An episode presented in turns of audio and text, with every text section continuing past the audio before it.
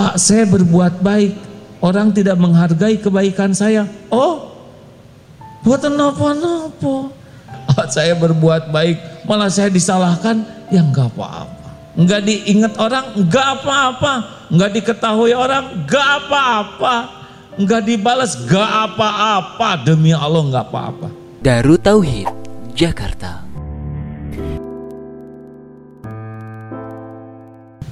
Bismillahirrahmanirrahim. Assalamualaikum warahmatullahi wabarakatuh. Alhamdulillah ya Allah. Alhamdulillahi rabbil alamin. Alhamdulillahilladzi anzala sakinah fi qulubil mu'minin liyajdadu imanan ma'a imanihim.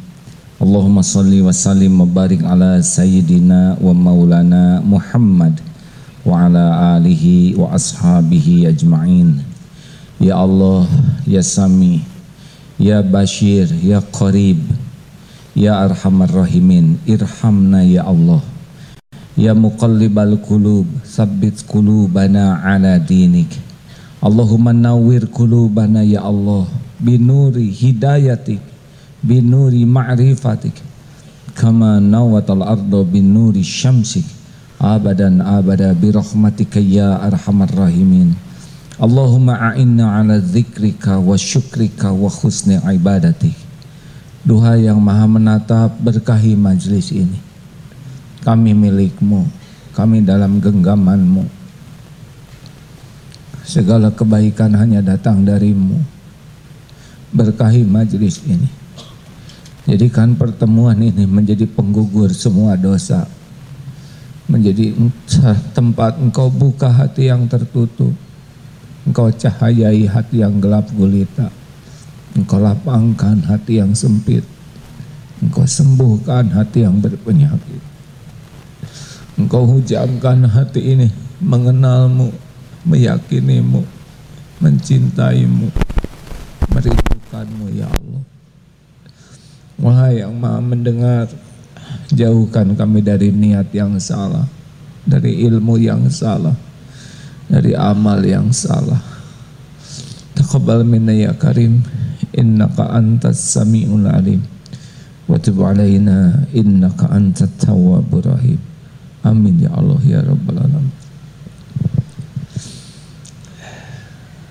Mudah-mudahan sambil duduk begini kita merasa ada yang lebih dekat dari siapa pun.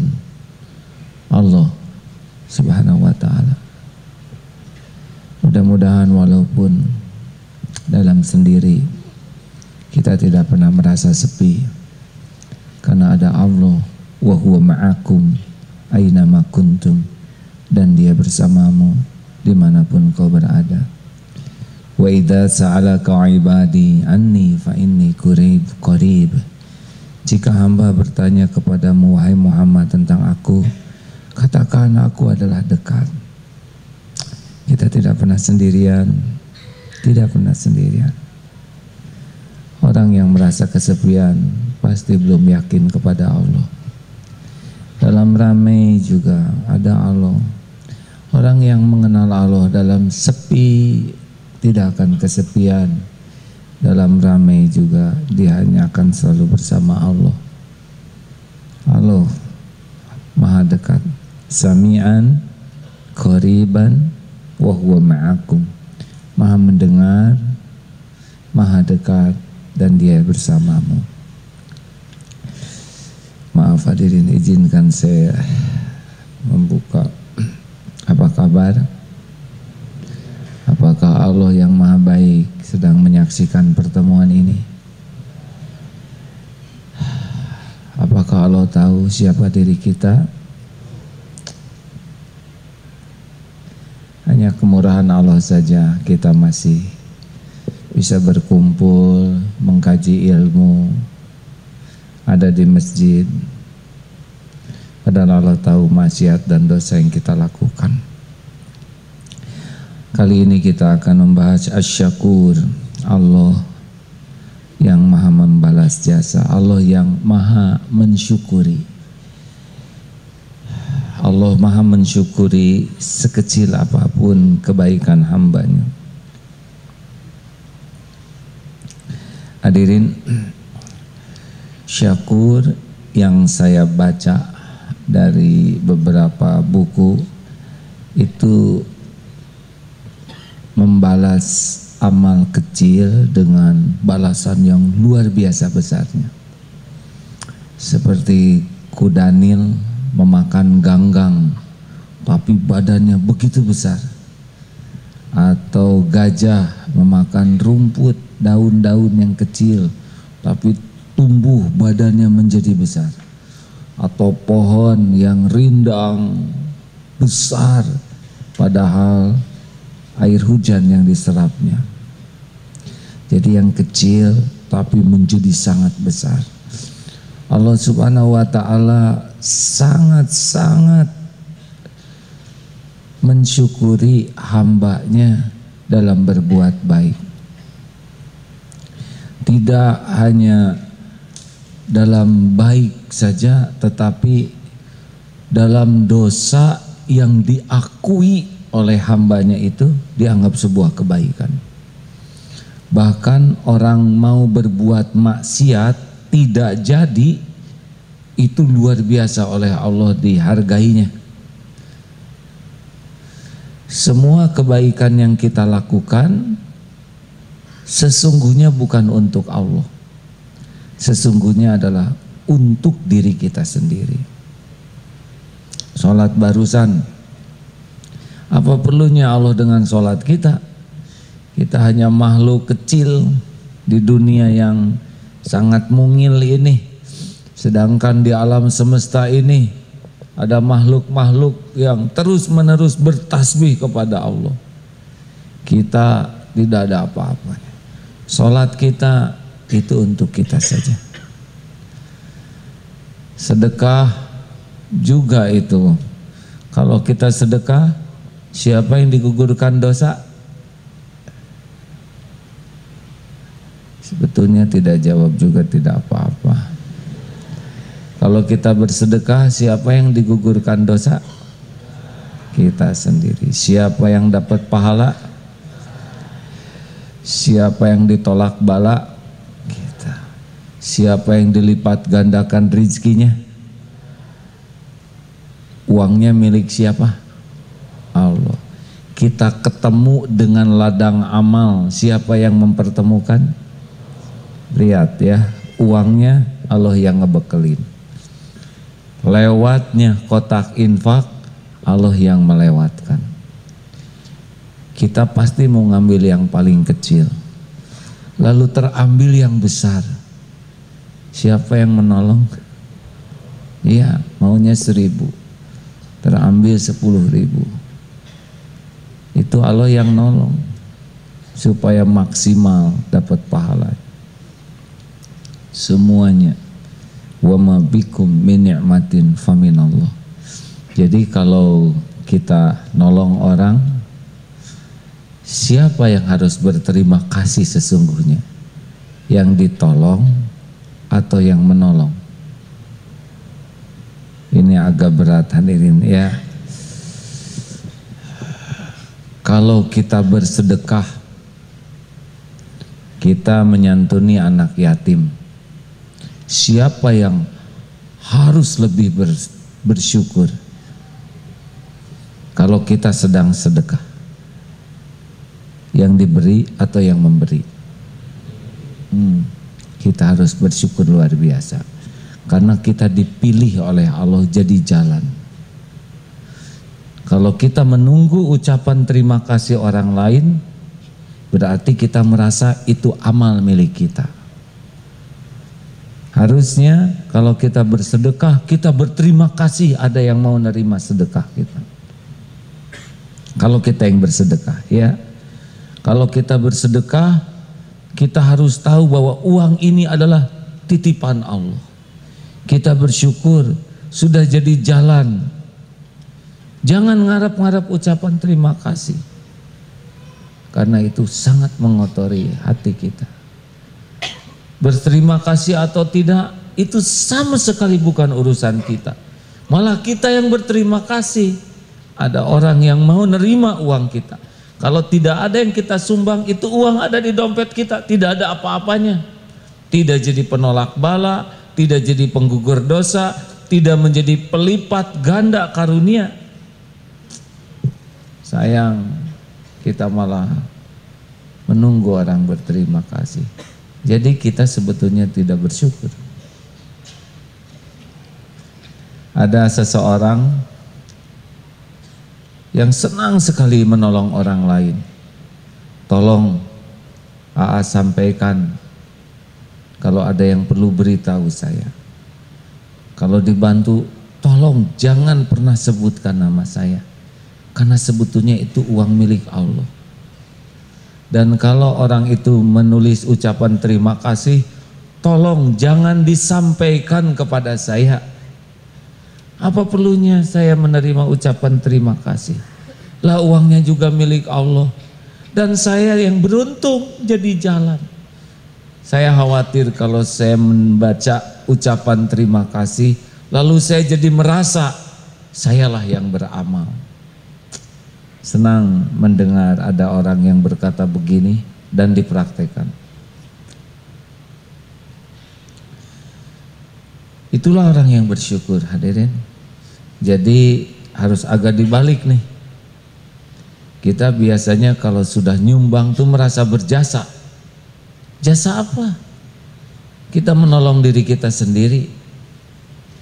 Harusnya kita berterima kasih. Banyak itu yang sekarang pola pikirnya begitu. Kalau berwakaf, kemudian dari lembaga wakaf berterima kasih, ah saya yang berterima kasih. Saya diberitahu ada wakaf ini. Saya yang berterima kasih. Saya punya kesempatan, punya amal jariah. Saya yang bakal dapat pahalanya. Saudara tidak usah berterima kasih, saya yang berterima kasih. Sah. Kalau ijab kabul itu begitu. Halo? Asal beda dengan kita. Kita sakit hati kalau tidak berterima kasih. Padahal apa urusan kita dengan terima kasih orang? Kalau orang berbuat baik ke kita, kita harus berterima kasih sebagai syukur. Tapi kalau kita yang berbuat baik, kita harus lupakan kebaikan itu. Bukankah ada tawasul dengan amal? Yang di gua itu itu membicarakan kebaikannya bukan dengan orang tapi dengan Allah. Sekira amal ini engkau terima ya Allah. Begitu. Orang tidak ada yang tahu kebaikan dia. Nah hadirin sekalian bertemunya kita dengan ladang amal itu Allah yang ngatur.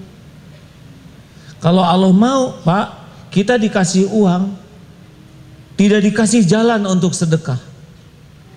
Atau dikasih pelit. Ngitung saja. Simpan di bank dikunci kuncinya sembunyikan di tempat yang tidak ada yang tahu.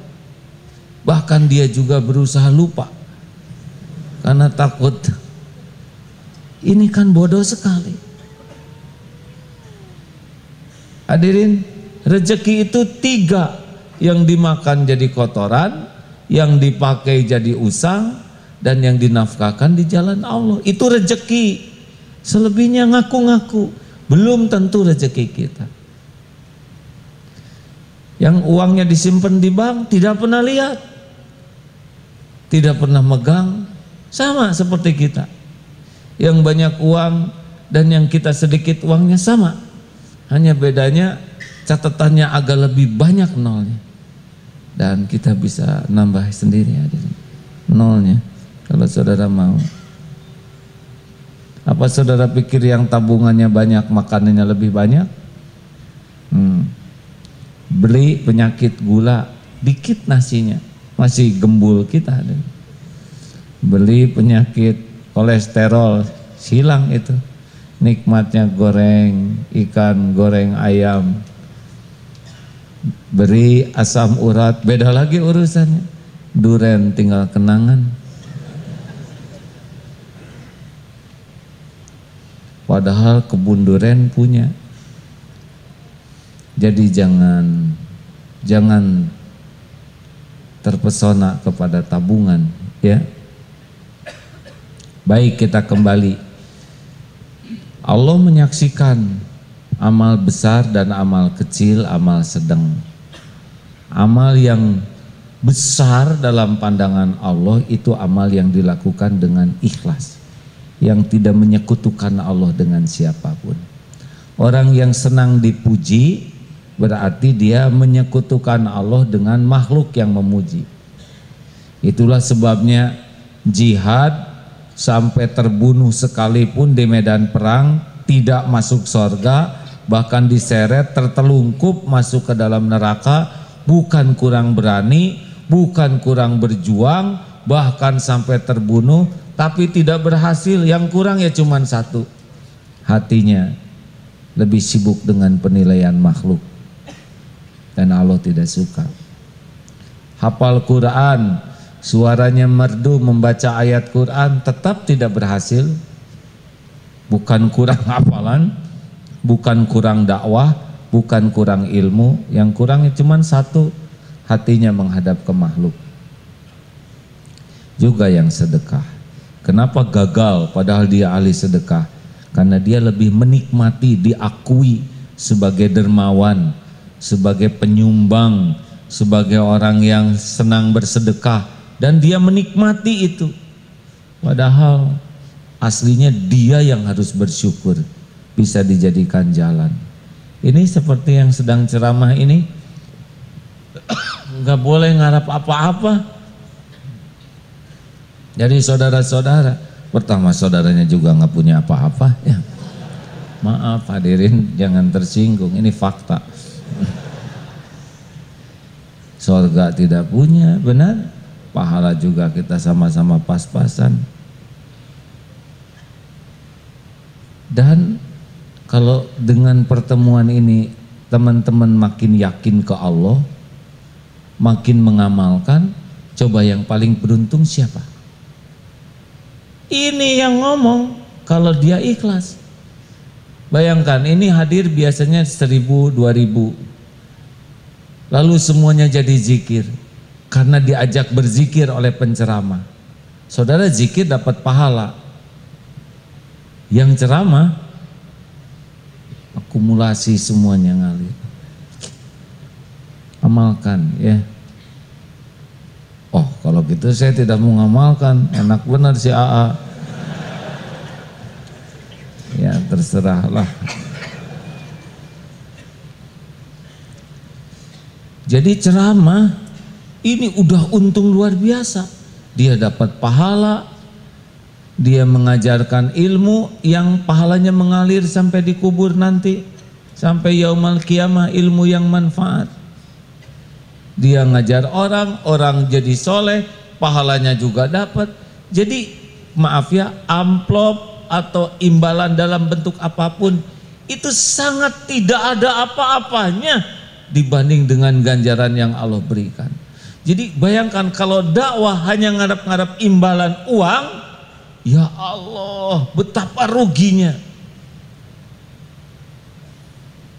Kepilih jadi bisa dakwah saja, huh itu sudah rezeki yang tidak ada bandingannya.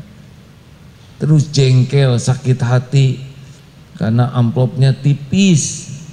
Padahal itu cek, cek kosong. Semua sekarang berterima kasih bahwa sekarung uh, kurma masing-masing untuk ah terima kasih maaf tanpa meremehkan ya. Pertama nggak mungkin saudara bawa karung kurma. Kalaupun dikumpulkan dan tetap nggak ada apa-apanya dibanding dengan ganjaran dari Allah. Betul? Makanya balas budi orang nggak usah ditunggu ucapan terima kasih apalagi dan kalau Allah menghendaki itu datang, pasti datang hadirin, tanpa harus ditunggu-tunggu. Allah menghendaki orang berterima kasih ke kita, berterima kasih. Terima kasih, ya itu juga ujian bagi kita. Ya, ya, ya, ya, bagus ya. Begitulah, jadi orang harus bersyukur. megang dia.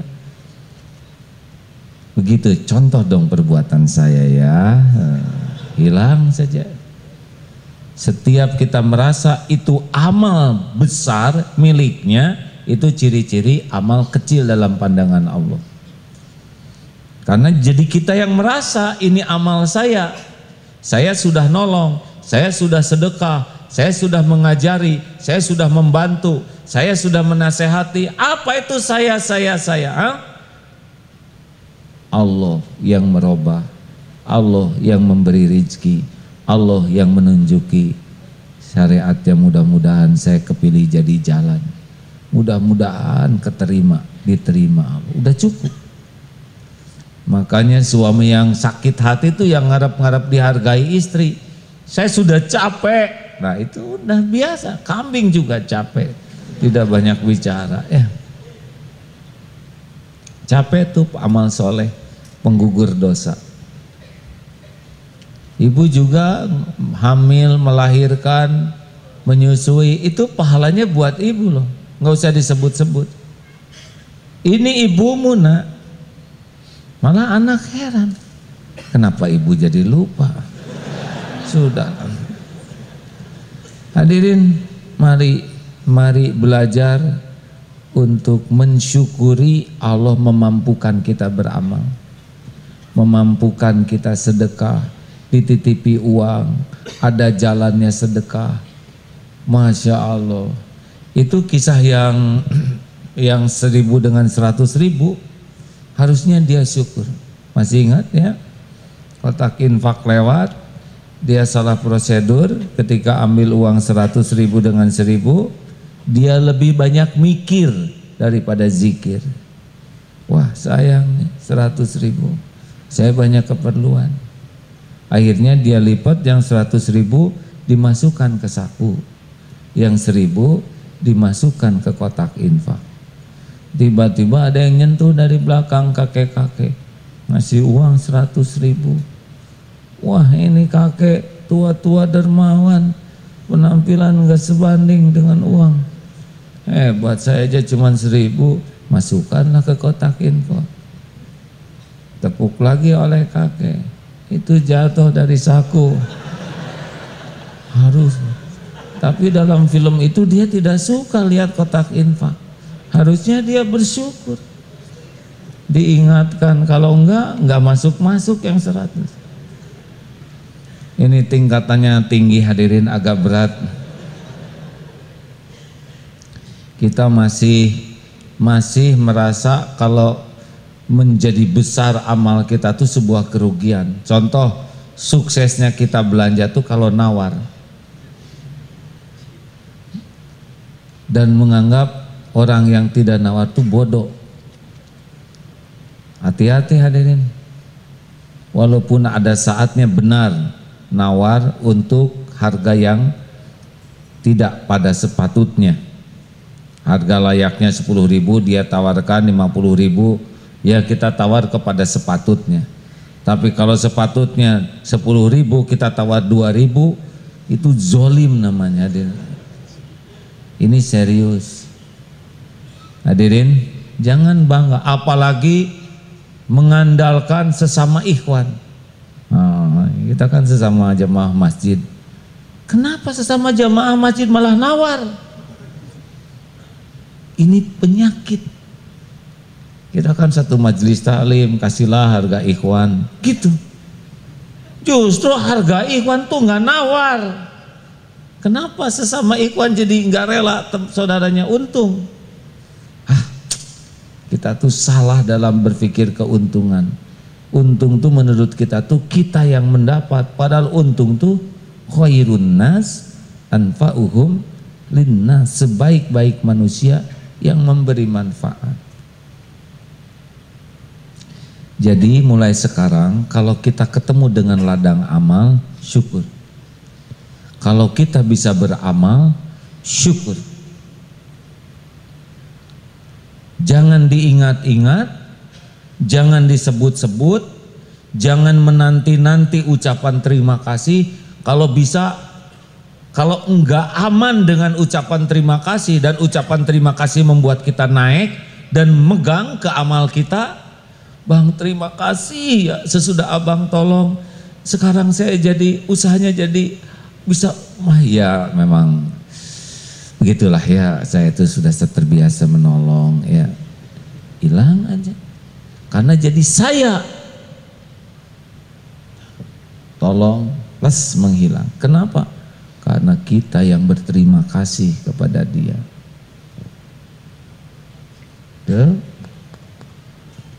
kira-kira berat nggak nih hadirin kalau berat tidak usah diteruskan. Kira-kira sering sakit hati tidak? Ada enggak yang merasa ah dia enggak tahu balas budi. Oh enggak ada. Sakit hati itu lebih dekat kepada tidak ikhlas ya. Orang yang ikhlas lillahi ta'ala udah nggak ada sakit hati untuk urusan pribadi.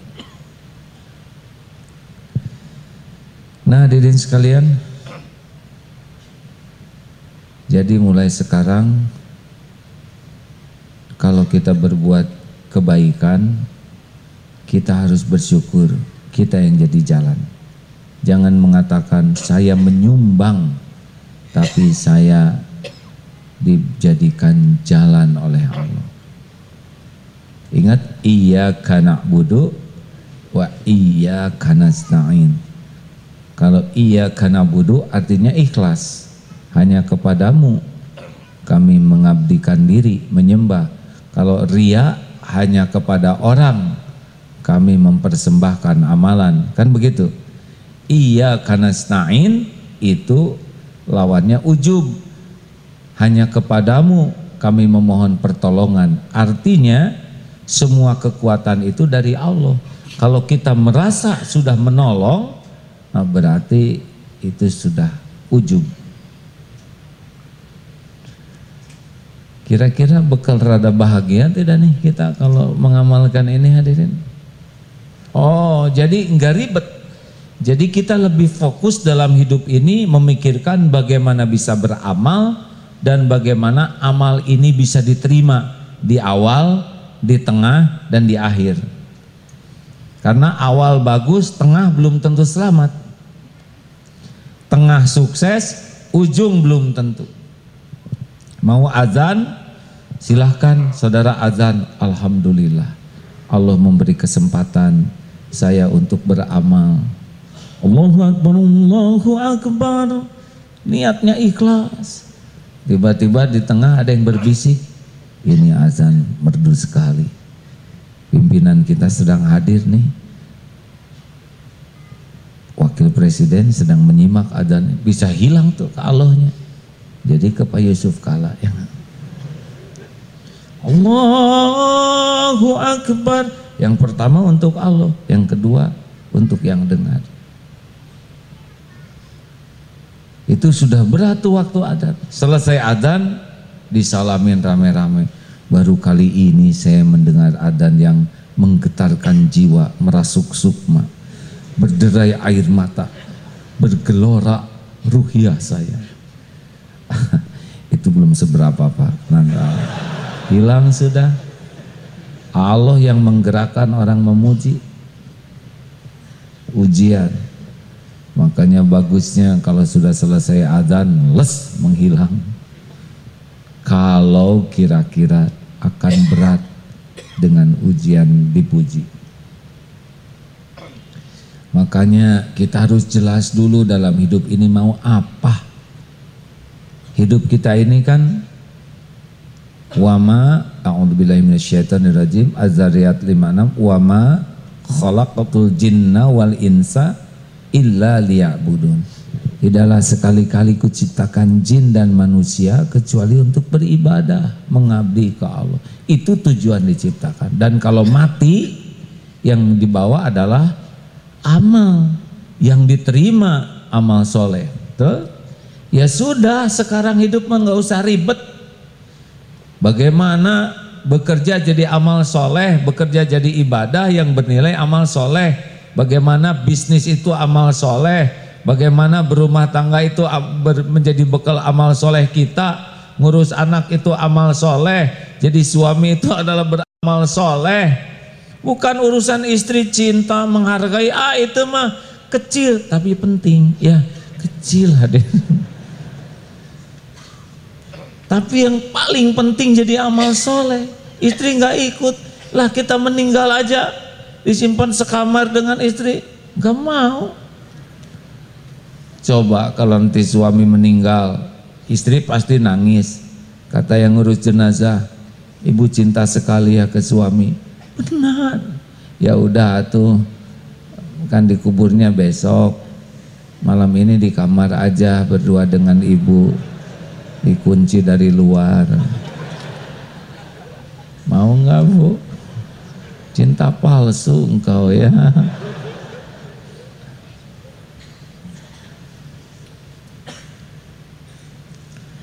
Dah niatkan itu sajalah. Lebih simpel benar? Nolong orang fokusnya bagaimana nolong ini jadi amal soleh yang diterima oleh Allah. Allah tuh udah pasti ngebales hadirin. Udah nggak mungkin nggak dibalas lah ya. Udah dan jangan suka ya Allah ingat nggak yang kemarin? Nggak usah diingetin. Sudahlah. Dah kita juga hidup kayak gini dicukupi nggak tahu yang mana nih yang diterima.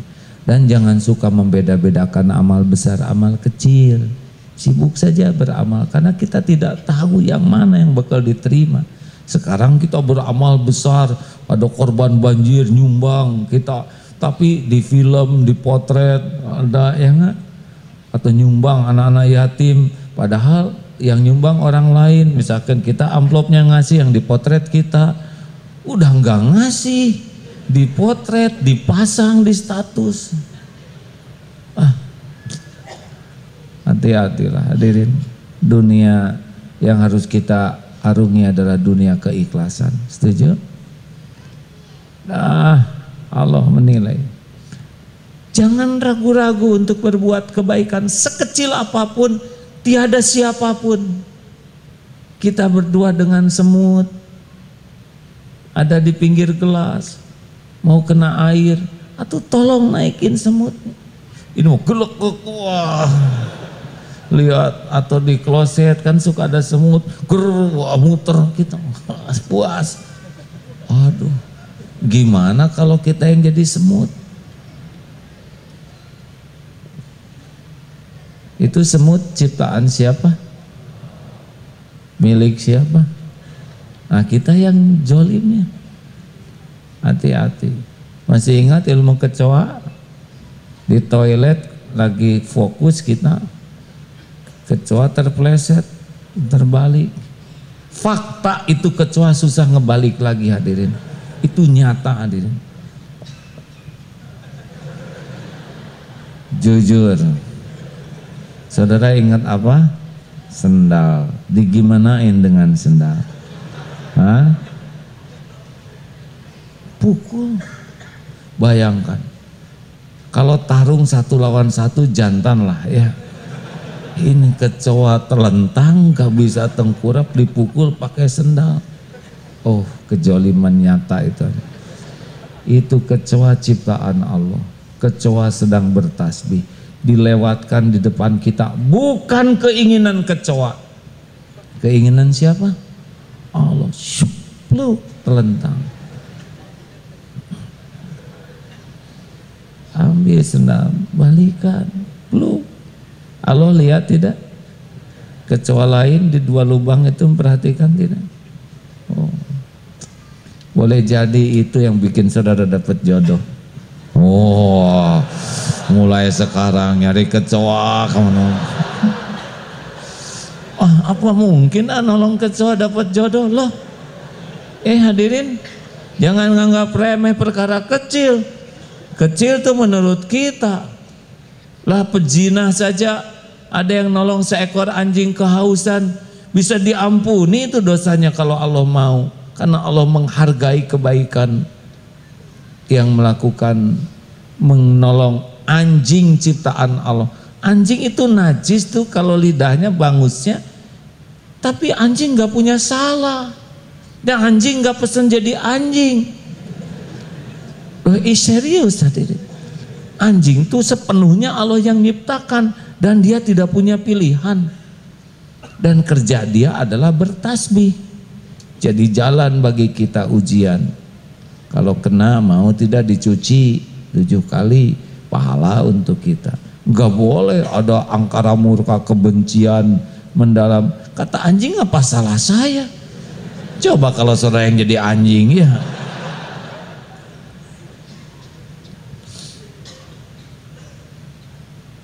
Di rumah suka ada burung di jendela Perhatikan, eh ini burung minumnya di mana? Bawa rantang mangkok kecil, kasih air, simpan. Datang burung minum. Allah lihat tidak? Senang tidak Allah dengan ini? Oh hadirin, nggak ada yang tahu dan tidak usah dipotret, di status pasang. Milikilah kasih sayang terhadap Aceh. Oh iya. Ya, saya mengerti saudara penyayang binatang ya. Hati-hati main status tuh hadirin. Main potret. Kalau kelihatan kitanya lagi gini dengan burung, oh penyayang binatang. Ya nggak apa-apa, tapi besar kemungkinan hanya ada dalam Instagram, tidak ada di sisi Allah. Ya. Dan itu banyak sekali ladang amal begitu. Dan itulah yang bisa membuat kita mendapat banyak pertolongan Allah. Jadi bukan ketemu dengan pejabat, dengan orang penting, orang yang terkenal. Ah, itu boleh, tapi itu rada susah ikhlasnya, ya. Benar? Hadirin, Allah memperhatikan semua wa huwa ma'akum ma kuntum wallahu bima ta'maluna basyir dan dia bersamamu di mana pun kamu berada dan Allah maha menyaksikan maha melihat apa pun yang kau kerjakan persis sekarang juga Allah sedang melihat jadi jangan sia-siakan karena sekecil apa pun kebaikan Allah pasti tahu dan Allah pasti tahu yang ada di hati kita tuh apa Inilah kehidupan kita. Karena hal jazaul ihsan illal ihsan. Tiada balasan dari kebaikan kecuali kebaikan. Jadi sudah itu aja yang kita lakukan. Benar? Mau dibalas kebaikan oleh Allah? Eh, boleh jawab, boleh tidak? Mau kan saya tidak boleh ngarep-ngarep ya. waktunya. Ulangi ini, tolong jawab ya. Ada orang, tidak ada orang, Allah ada, tidak? Yakin? Orang lihat, orang tidak lihat, Allah lihat, tidak? Yakin? Orang tahu, orang tidak tahu, kita berbuat, Allah tahu, tidak? Apakah ada yang tidak diketahui Allah? Yakin? Yakin? Apakah semua perbuatan ada balasannya? Adakah yang kelupaan Allah membalasnya? Jawab, ada yang kelupaan tidak? Ada yang kelewat? Ada yang tertukar? Yakin? Ada yang bisa menghalangi? Pasti datang? Ah, udah, beres. Itu aja. Terlalu kecil atau masa kita berbuat baik hanya untuk ucapan thank you. Ah, apa tuh thank you? Thank thank you, you gitu. Tapi kita berbunga-bunga hilang pahala. Ayo belajar bersyukur bahwa beramal itu kita yang harus berterima kasih. Sisi lain, syukur yang Allah sukai adalah kalau ashkarukum lillah, ashkarukum linnas. Tadi kita yang beramal, sekarang orang yang berbuat baik ke kita kita harus seperti orang tua. Orang tua jadi jalan kita lahir ke dunia. Ini harus kita akui. Saya ciptaan Allah, saya lahir lewat perjuangan, pengorbanan, penderitaan orang tua. Kita berterima kasih dengan berbakti ke orang tua, itu syukur ke Allah. Karena orang tua jadi jalan. Terlepas orang tuanya sudah Islam atau belum, sudah soleh atau belum, tapi dah faktanya kita lewat ibu bapak, benar? Mungkin ada yang orang tuanya belum Islam, Mungkin ada orang tuanya Islam tapi belum sholat, belum soleh. Mungkin ada orang tuanya yang berbuat jahat, berbuat dosa sehingga dipenjara dan sebagainya. Kita tetap harus menjadi orang yang berusaha agar Allah menyelamatkan orang tua kita dengan rambu-rambu yang sudah ada ya. Jadi jangan karena faktanya darah dagingnya ini ada di tubuh kita. Yang kedua yang jangan lupa tuh guru. Satu tambah satu berapa? Nah itu jasa guru berhitung. Jarang kita ingat guru berhitung. Kamu ingat nggak guru matematik? Ingat nyebelin banget itu guru. Masa saya nyontek dikit dikeluarin dari kelas? Nggak punya perasaan.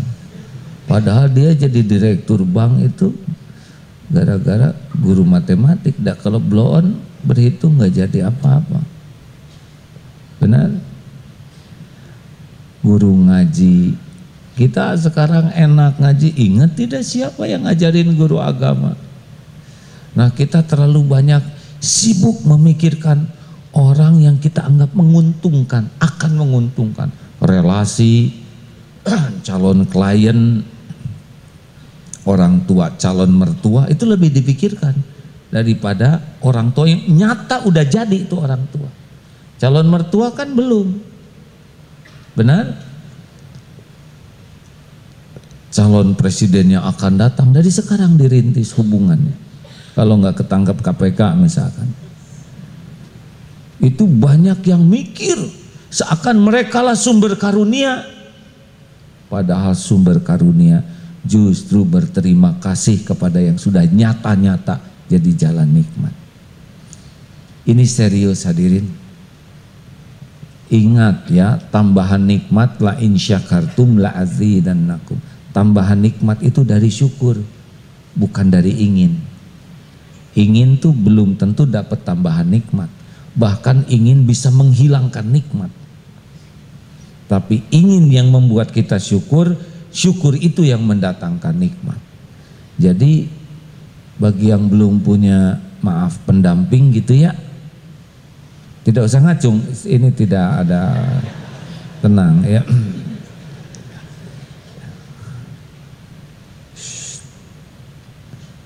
Syukuri itu mumpung masih sendiri ada orang tua khidmat ke orang tua. Allah lihat sing patu dimuliakan orang ah orang tua saya mah rewel pahalanya nambah orang tua saya mah sudah susah dan sensi itu pahalanya melimpah. Lakukan saja. Allah melihat semuanya. Allah tahu perihnya pahitnya benar? Mumpung belum punya yang diurus lainnya. Begitu hadirin syukur itu mendatangkan.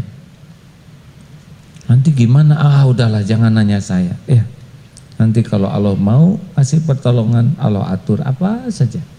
Tidak harus terpikir oleh strategi kita yang bodoh ini. Ayo hadirin, mulai uh, senang mengingat-ingat kebaikan orang lain. Saya ini ada yang ngasih kacamata. Sebetulnya saya juga punya kacamata sendiri. Tapi ada teman yang kekeh ingin, ah, pakai kacamata.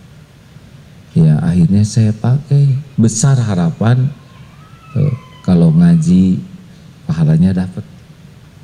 Nah itu juga mudah-mudahan bagian daripada syukur. Dan emang ini lebih bagus sih, jadi nggak bisa dipungkiri itu ya hadirin.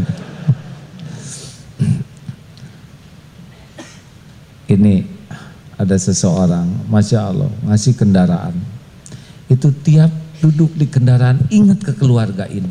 Dan syukur kita kepada Allah doakan sing tulus ya Allah. Berkahi keluarga ini rezekinya. Itu juga bagian dari syukur. Kita dapat kebaikan orang kita berterima kasih dan dalam ketersembunyian kita keluarkan doa. Dan tidak usah di SMS saya udah doakan loh. Ya boleh sih boleh tapi Benarkah kekuatan doanya sedalam yang ditulis itu atau cuman ingin diketahui oleh dia bahwa kita ngedoakan padahal Allah tahu kita enggak bulat ngedoakannya. Ayo doakan hadirin. Doa tuh jangan hanya kepentingan pribadi aja. Doakan orang-orang yang jadi jalan ilmu, jalan rizki, terutama jalan nikmat iman, jalan kesehatan. Kita ke dokter kalau ada perlunya aja. Ya udah nggak perlu mau ngapain ke dokter. Ya maksudnya doa kalau kita sembuh tuh. Ya Allah, kemarin saya sesak napas, sekarang Ya Allah lapangkan dokter itu dari semua kesempitan rezekinya, dari kesempitan persoalan hidupnya, sebagai engkau telah melapangkan nafas saya. Bisul di pantat, ambeien bisu aduh susah duduk. Oleh dokter dikasih salep obat dah sembuh. Tiap duduk teh hmm, ya Allah itu dokter udah jadi jalan saya sembuh. Sing enak hidupnya sebagaimana engkau membuat saya enak. Coba Allah tahu tidak kita begitu? Ah dokter etama mahal obatnya. Nggak sembuh sembuh amit amit oh, oh, oh, oh, jadi muntah ya Hadirin, jadi mendatangkan karunia itu mudah sebetulnya karena Allah itu asyakur, maha mensyukuri kebaikan hambanya. Jadi main sembunyi-sembunyi kalau dengan Allah malah lebih enak. Orang yang dekat dengan Allah tuh suka sekali amalan rahasia. Rahasia dalam pandangan makhluk ya. Karena bagi Allah tidak ada rahasia, benar? Keaslian amal tuh sebetulnya dalam rahasia itu banyak yang selamat. Boleh kita beramal seperti ke sini, saudara tidak usah rahasia ya. Mau ke masjid karena takut ria, itu masuk selokan enggak usah itu terlalu. Atau ibu-ibu karena takut ketahuan ke masjid perginya jam 2 misalkan. Malam-malam pakai mukena tutup aja. Karena becek dia loncat-loncat jadi masalah baru. Ini fitnah hadirin yang kelihatan orang yang nggak apa-apa, kelihatan nggak kelihatan sama aja. Diketahui tidak diketahui orang juga sama saja. Yang penting Allah tahu, benar? Tetapi tidak semua orang bisa masuk ke makom e, aman kalau diketahui orang. Karena dilihat orang tuh berat, berat.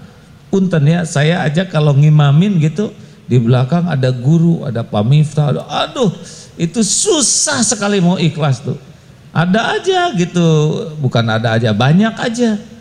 Mau ah beda lah, ruku jadi lebih lama, sujud juga tunggu cukup nggak nih cukup ya. Ah berat.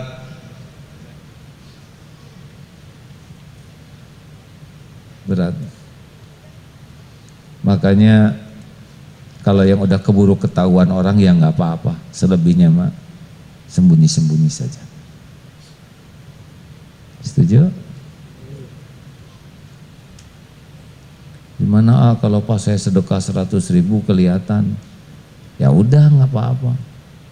Nggak ada orang keluarkan 500 ribu. Ya Allah maaf tadi 100 ribuan agak goyah dilihat teman. 500 ribu ya Allah ini uang terakhir tolong dihitung yang detail ya Rob.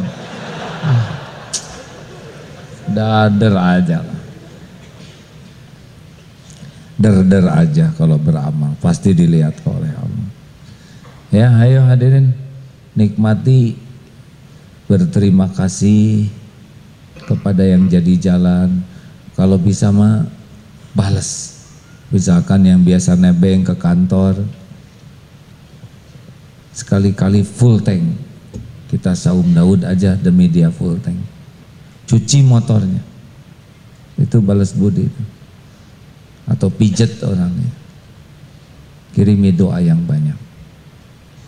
Ah gimana nih terhadap orang yang ngebohongin kita, nyakitin kita? Aslinya kita tuh tidak rugi disakitin orang hadirin karena orang yang menyakiti kita itu dia jadi jalan penggugur dosa kita kalau kitanya benar. Ingat ada dua ya. Kita disakiti, uh, kita dihina orang ada dua. Kita dihina pada kita melakukan kebenaran. Nah dihina ini jelas penggugur dosa dan transfer pahala. Tapi kita dihina orang karena kita melakukan perbuatan hina. Kayak koruptor ketangkep, kemudian oh, dihina di mana sok sekarang digugurkan dosa. Enggak ya, itu buah dari korupsinya ya. Enak aja. Tidak boleh emosi hadirin ya. Kalau kita berbuat keburukan lalu kita dihina, maka penghinaan itu buah dari keburukan. Tapi kalau kita berbuat kebenaran dan tetap dihina, maka itu yang jadi penggugur dosa. Jadi kalau kita udah berbuat baik, lalu ada orang yang dengki ke kita, berusaha menjatuhkan ke kita, sebetulnya ini tidak merugikan kita. Dia yang jadi sarana dosa kita berguguran. Dia yang jadi sarana kita bisa terangkat derajat derajat yang enggak keangkat oleh ibadah kita, tapi keangkatnya oleh kepahitan itu. Ini maaf ya, misal, misal ya Bu ya, ibu tunggal, suami istri, istri cuma satu. Ini suami istri. Tiba-tiba ada istri yang lain.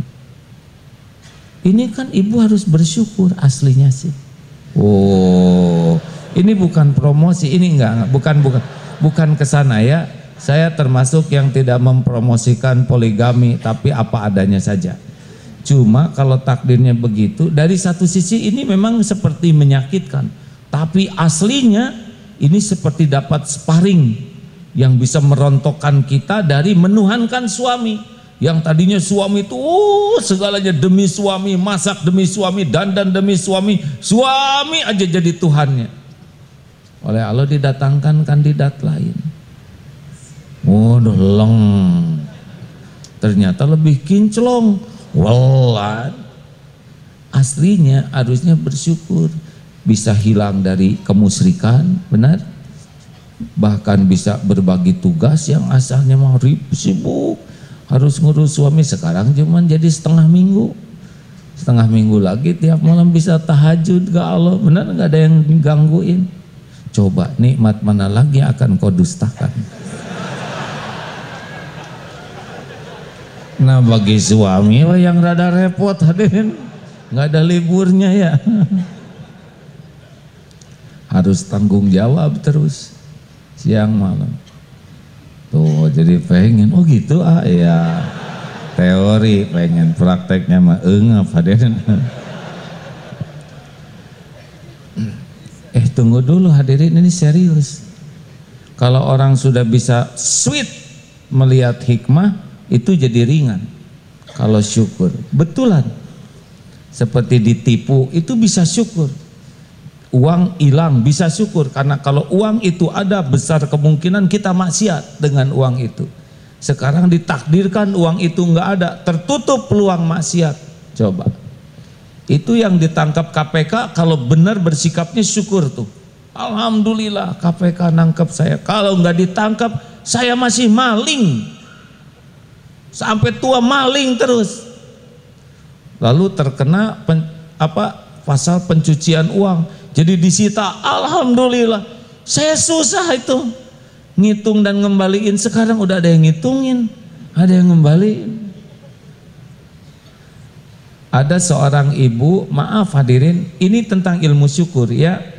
Punya anak dua suaminya baik meninggal duluan Lalu yang dua ini anaknya tuh dua-duanya keterbelakangan mental.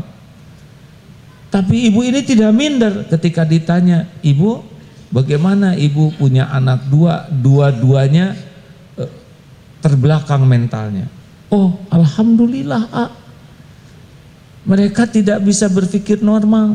Berarti perhitungannya di sisi Allah beda. Insya Allah anak-anak begini di akhirat Mudah-mudahan inilah ahli sorga.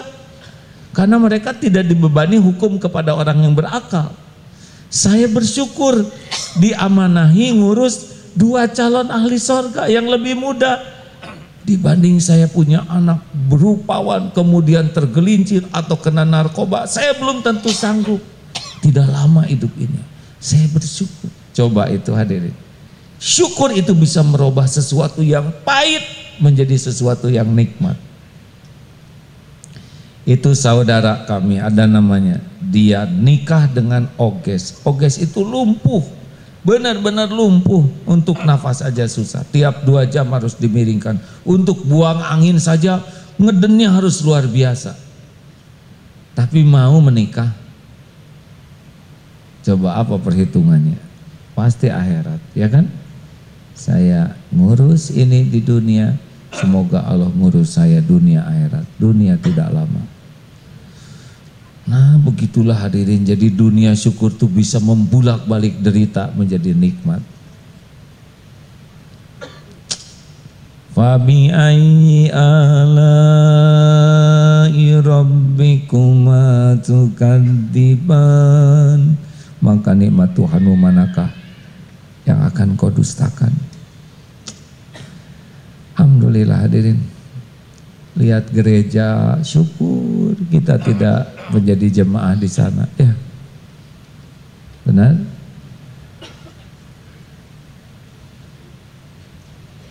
Lihat yang maksiat kita syukur kita tidak berbuat maksiat. Bukan mensyukuri mereka tapi mensyukuri kita tidak begitu. Ada seorang muslimah mu'alaf nangis di perempatan di New York katanya kenapa? karena dia lihat begitu banyak orang tidak ada yang berjilbab selain dirinya. Dia syukur diselamatkan oleh Allah diberi hidayah, diberikan kemampuan berhijab. Syukur, syukur. Oh, kalau kita mau syukur lihat apa aja syukur tuh. Lihat preman di pinggir jalan yang pangrok gitu ya. Aduh, alhamdulillah saya rambut tidak berdiri seperti itu. Kita bukan bukan menghina merendahkan orang tapi kita bersyukur. Lihat di luar negeri uh pengungsi. Alhamdulillah saya bisa makan enak tidur nyenyak. Jadi jangan sampai lihat segala-gala yang Allah perlihatkan lewat indera ini tidak membuat kita bersyukur hadirin. Baguslah jalan-jalannya ke ICU gitu ya lihat orang-orang yang sakit menderita itu nambah syukur gaul dengan tunanetra saudara kita, kita bekal syukur punya mata. Atau sekali-kali tutuplah matanya. Pakai lap sehari aja. Lihat benjol di mana, jalan susah. Supaya mensyukuri mata. Sekali-kali bungkus ini kepalanya pakai kantong kresek supaya tahu nafas itu mahal. Benar?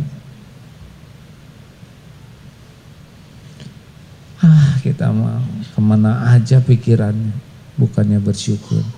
Padahal syukurlah yang mendatangkan karunia. Ke sebagai penutup ada kisah yang sudah menikahnya dianggap telat padahal tidak ada yang telat waktunya aja. Kemudian telat hamil tidak hamil-hamil padahal bukan telat belum waktunya aja. Tapi baginya telat. Sudah gitu ada kista dan rahimnya diambil. Uh menderita luar biasa. Karena fokusnya kepada saya wanita tidak ada rahim saya tidak punya anak jadi fokusnya ke, ke yang enggak ada nangis bayangkan ah, saya berusaha membayangkannya tapi ya memang pasti berat lah ya. Cuman salah kalau nangis tidak membuat tangisan itu jadi rahim. Kalau dengan nangis air mata terkumpul kemudian rahim jadi, ya silakan nangis. Tapi kalau nangis menghilangkan karunia itu kan jadi kufur nikmat. Jadi sesudah puas nangis. Jadi mbak yang diambil oleh dioperasi itu rahim, ah, rahim. Bagi wanita itu iya, jangan dipotong Iya, iya.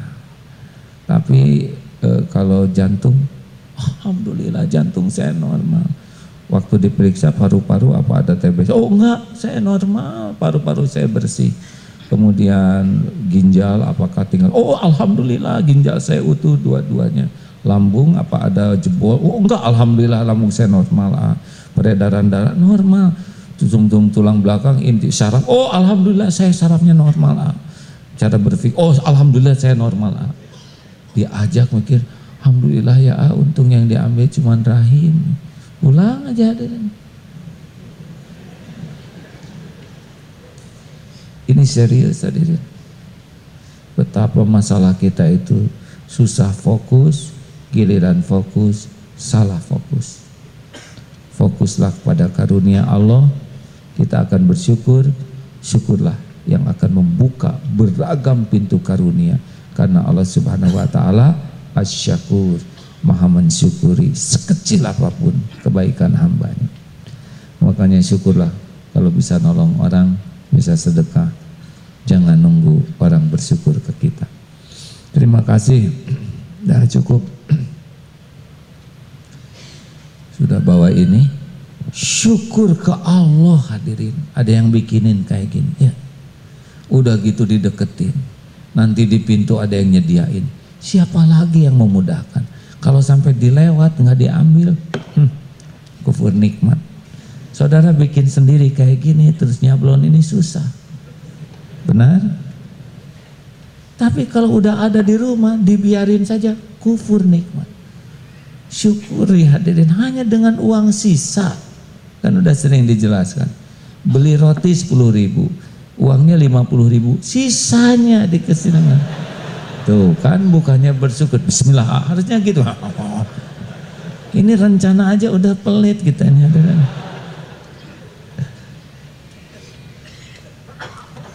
Eh ngomong-ngomong ke masjid ini saudara dapat banyak. Sholat, saya lihat tadi tempat wudhunya airnya mengalir deras, toiletnya ada. Terus kalau ada kotak infak cuman seribu, dua ribu, kufur nikmat. AC, lampu, sound system ini enak didengar, benar? Karpetnya empuk, tidak kepanasan. Aduh, ini benar-benar nikmat dari Allah. Ilmu dapat, sholat, imamnya tadi nikmat, sound system terdengar. Eh, infak dua ribu. ah, ya Allah. Itu kan WC umum hadirin. Toilet juga sebetulnya bagi orang yang syukur mah bandingkan derita ya nahan sampai oh. Terus ke toilet 2000 itu nikmat. Terlalu murah hadirin. 50 ya. 50 ribu gelempeng pak ini kebanyakan gak apa-apa. Saudara tidak tahu rasa syukur saya enggak eh, ini serius hadirin. Tapi dah kita mah mikirnya teh gitulah pengen untung yang pendek-pendek aja. Syukur yang mendatangkan karunia tuh hadirin. Alhamdulillah. Bawa ini ya isi. Tidak nyuruh sih tapi syukur ya. Insya Allah tahun ini mudah-mudahan terkumpul. Target 86 miliar dari ini hadirin banyak yang harus kita eh, salurkan Mudah-mudahan pahalanya ada. Saudara untung loh dengan masuk ke sini, misalkan 10 ribu, 5 ribu, 1000, disebar ada yang jadi hafiz, ada yang jadi masjid, ada yang jadi jalan obat sak, uh, orang sembuh dari sakit, ada yang bikin asrama. Dari sini nih Pak, beragam ribunya sama, tapi banyak yang jadi modal, ada yang jadi usaha kambing, jadi melahirkan. Sini nih, barokah insya Allah. Yang kedua syukuri itu punya handphone, ayo aplikasinya, Agim bikin ya. Udah? Ada yang datang ke sini karena baca di aplikasi, cung. Enggak usah malu-malu, syukuri bisa mendengar, bisa ngacung hadirin. Cung, yang tahu undangan lewat aplikasi ada, alhamdulillah. Yang lewat Instagram bagus, ayat Twitter yang lain siapa yang undang? ya inilah kesadaran ya Allah kalau mau ngundang suka-suka Allah. Alhamdulillah. Terima kasih sahabat-sahabat. Ada pertanyaan? Ah nggak usah lah. Oh ya Allah silakan. Satu ada jangan suka mempersulit orang lain ya. Tolong maaf. Ada mikrofonnya? Kita jam 9 seles, pas selesai ya sambil uh, ada yang bertanya sambil sedekah ya Semoga Allah melipat gandakan rizki, menggugurkan dosa, menolak bala, dan memudahkan untuk menjadi ahli ma'rifah. Amin ya rabbal alamin. Silakan hadirin, jangan ragu-ragu, pasti kembali ke dirinya. Ya teh. Assalamualaikum warahmatullahi wabarakatuh. Waalaikumsalam warahmatullahi wabarakatuh. Terima kasih atas ke- kesempatan yang diberikan A kepada saya. Saya Vita dari Makassar. Alhamdulillah. Eh, tadi kan A bilang kalau sedekah yang baik itu yang disembunyikan ya, sembunyi-sembunyi. Yang ikhlas yang baik itu. Oh gitu. Iya. Terus Sembunyi juga jadi ujub nggak bagus ya. terus A, saya mau tanya, saya pernah dengar ada yang bersedekah tapi dipublish niatnya untuk eh, memotivasi orang lain agar bersedekah. Bagus, bagus, bagus. Nah itu bagusan mana dengan sedekah yang sembunyi-sembunyi tapi memang ikhlas. Baguslah dua-duanya ya. Oh gitu. Sekarang sembunyi sedikit.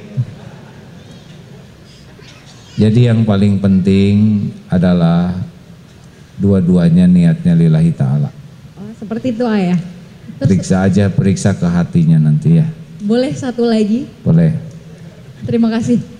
Hmm, ah gini ada teman cer- ceritanya dia minta tolong keluarga sih minta tolong minjem duit karena emang lagi nggak punya. Cuman dari datangnya ke orang yang pas-pasan aja, padahal keluarganya tuh banyak yang lebih mampu. Terus dia minjem duitnya buat buat biaya hidup sehari-hari sih. Terus cuman karena dia ada riwayat suka nipu, suka boros, nah gimana itu ah untuk menyikapinya? Oh kalau gitu kita harus nolong dia dengan tidak dipinjemin ya. Menolong itu tidak harus memberikan apa yang dia minta. Kalau permintaannya hanya akan menambah dosa. Ah, baik, terima kasih ah. Assalamualaikum warahmatullahi wabarakatuh. Waalaikumsalam warahmatullahi wabarakatuh. Ya sudah begitu dan kenapa? Saya minta maaf tadi pembawa acara kebanyakan nyebut Aagim, jangan ya. Mau umroh mah lewat travel mana aja. Kalau mau sama-sama ya siap-siap belajar di sana boleh. Gitu disederhanakan ya. Ini umroh dengan Aagim, awal bulan dengan Aagim, akhir bulan dengan Aagim. Saya aja dengarnya malu, jangan ya. Silakan buka aplikasi Aagim, buku Aagim. Mudah-mudahan Aagim ada. Ah, tidak pentinglah Aagim, yang penting mah kita dekat dengan Allah ya. Terima kasih kawan-kawan ya. Kalau lihat saya begini, tolong bantu doa. Karena saya pasti akan dituntut pertanggungjawabannya. Setiap omongan ini ada ada balasannya. Tidak semua omongan yang bagus niatnya bagus. Ada ujubnya, ada riaknya. Beneran ini ya. Kalau habis ceramah terus evaluasi, aduh kenapa harus ngomong itu? Banyak bolongnya. Kalau lagi benar ingat ke Allah aman. Tapi kalau pas lagi nggak ingat ke Allah lepas. Teman-teman bantu doakan ya supaya bisa lurus niatnya sesuai yang dikatakan dengan kelakuan dan benar. Terima kasih semuanya ya. Mari kita tutup dengan membaca zikir dengan membaca ayat-ayat Quran. Al-Fatihah. A'udzu billahi minasyaitonir rajim. Bismillahirrahmanirrahim. Alhamdulillahi rabbil alamin. Ar-Rahmanir Rahim. Maliki yaumiddin. Iyyaka na'budu wa iyyaka nasta'in. اهدنا الصراط المستقيم صراط الذين أنعمت عليهم غير المغضوب عليهم ولا الضالين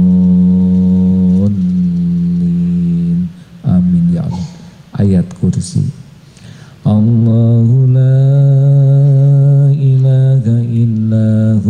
الحي القيوم. لا تأخذه سنة ولا نوم. له ما في السماوات وما في الأرض. من ذا الذي يشفع عنده إلا بإذنه.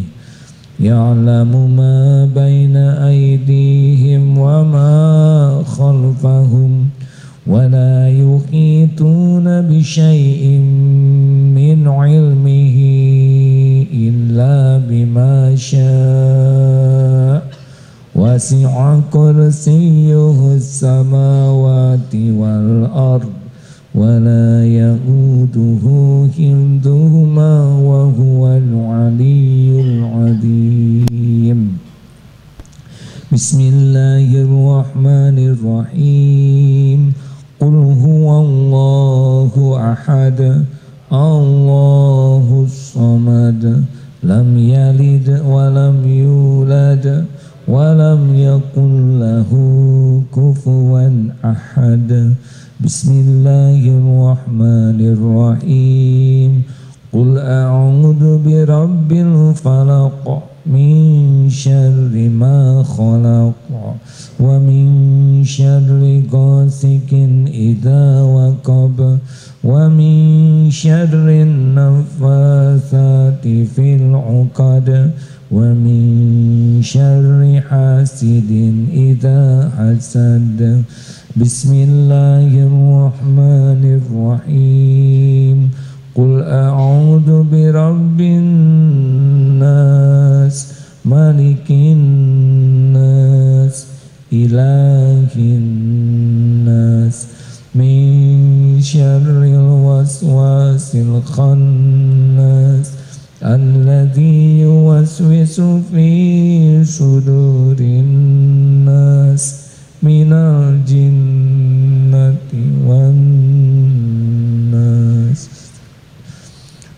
salli ala Sayyidina Muhammad wa Mari kita beristighfar hadirin sing liri Allah Maha mendengar.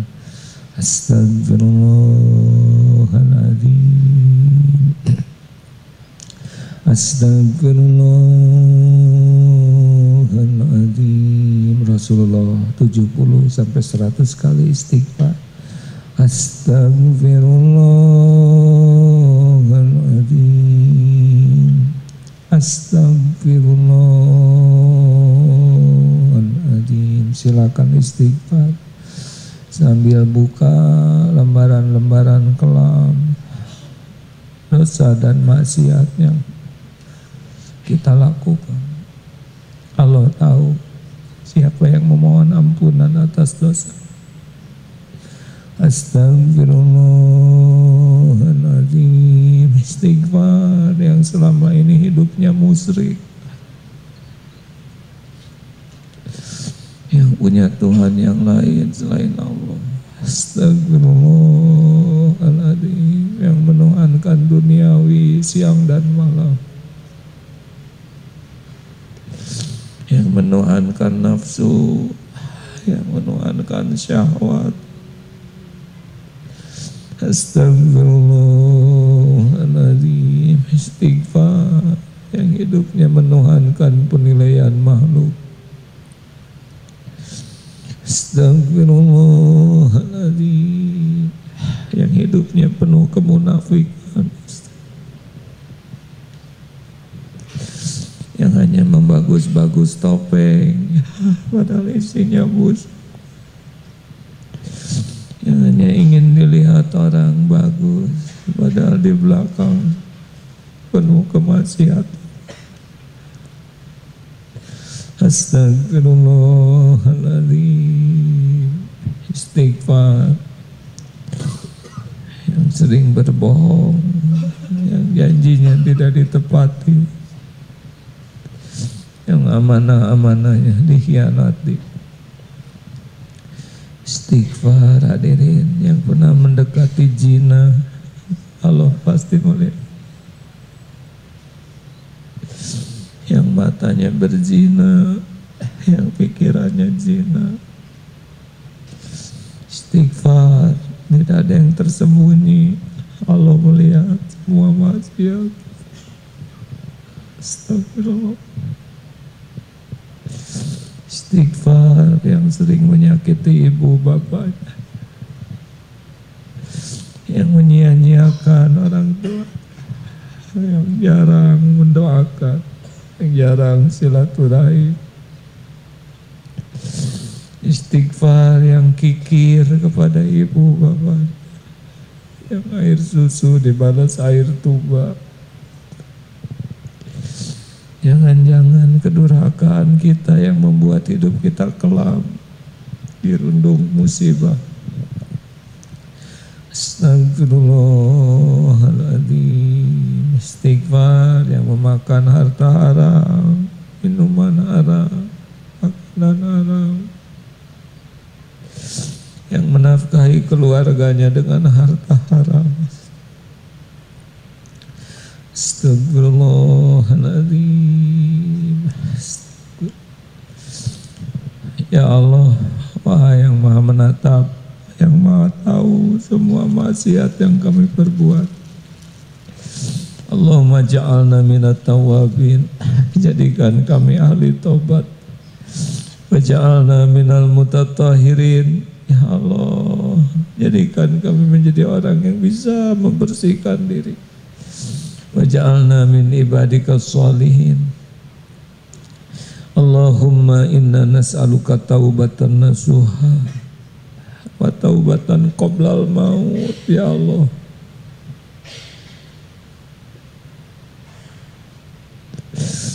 Berikan kesempatan kami tobat sebelum ajal tiba ya Rabb.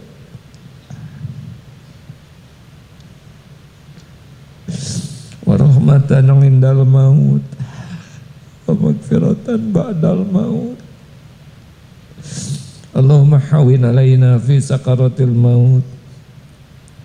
Allahumma inna nas'aluka husnal khatimah.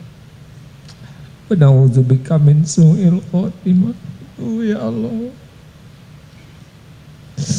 Jangan biarkan kami mati su'ul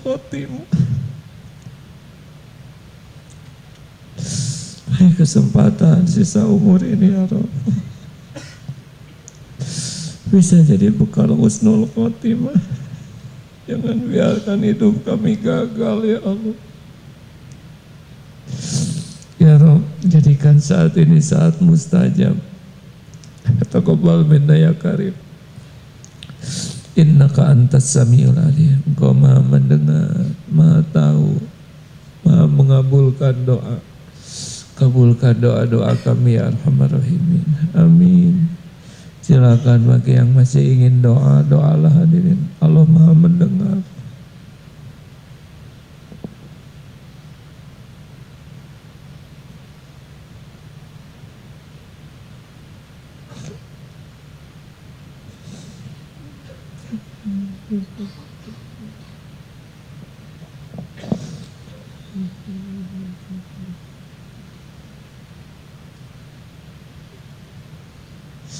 Amin ya Allah. Ya Sami ya Basir. Amin ya Rabb. Wah yang maha menatap Kabulkan doa-doa kami. Kuatkan iman yang masih rapuh ya Allah. Berikan kepada kami nikmatnya ibadah Nikmatnya munajat Nikmatnya akhlakul karimah. Karuniakan kepada kami hati yang bening ya Rabb. Kolbun salim Ya Allah berikan kesembuhan bagi yang sedang diuji sakit. Ya Syafi bukakan rezeki yang halal barokah ya Goni. Lepaskan dari lilitan hutang piutang ya Razak berikan pendamping yang merindukannya ya Allah. Rumah tangga yang penuh barokah keluarga sakinah titipkan keturunan yang soleh solehah Ya Allah berikan kepada kami nikmatnya ibadah. Jauhkan kami dari bala fitnah wal musibah. Ya Allah undang jamaah ini ke Baitullah. Sempurnakan Islam kami. Allahumma ja'alna hajjan mabrura wa sa'yan mashkur wa dhanban maghfur wa tijaratan lan tabur. Ya Allah Rabbana la tuzigh qulubana ba'da idh hadaitana Wahablana min ladunka rahmah innaka antal wahab. Jangan cabut nikmat iman. iman. Jangan biarkan kami condong kepada kesesatan ya Allah. Sesudah engkau memberi hidayah kepada kami. Allahumma a'ini ala zikrika wa syukrika Allahumma a'ina ala zikrika wa syukrika wa husni ibadatik Jadikan hati ini hati yang selalu ingat padamu. Hati yang tidak pernah berpaling darimu ya Rabb Golongkan hati ini hati yang penuh selalu ingat padamu. Ya Allah karuniakan kepada kami hati yang yakin kepada janji jaminanmu. Hati yang merasakan indahnya mencintaimu. Golongkan kami menjadi hamba yang merasakan kerinduan, rindu ingin bertemu denganmu ya Allah. Ingin berjumpa dengan Rasulmu. Jangan biarkan duniawi ini menyilaukan, memperbudak kami. Titipkan kepada kami dunia yang barokah, yang jadi bekal kemuliaan dunia akhirat kami. Allahumma gfir lil mu'minina wal mu'minat wal muslimin wal muslimat al ahya minhum wal amwat. Ya Allah karuniakan kepada kami para pemimpin yang soleh yang yakin padamu yang dapat menuntun kami hidup mulia di sisimu. Lindungi kami dari siapa pun yang melupakanmu ya Allah. Rabbana atina fid dunya hasanah wa fil akhirati hasanah wa qina adzabannar wa adkhilna jannata ma'al ya aziz ya ghaffar ya rabbal alamin subhana rabbika rabbil izzati amma yasifun. Wassalamun alal mursalin.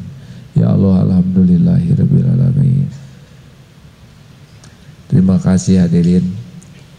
Doa akhir majlis. Subhanakallahumma wa bihamdik. Asyhadu alla ilaha illa anta ilaik. Assalamualaikum warahmatullahi wabarakatuh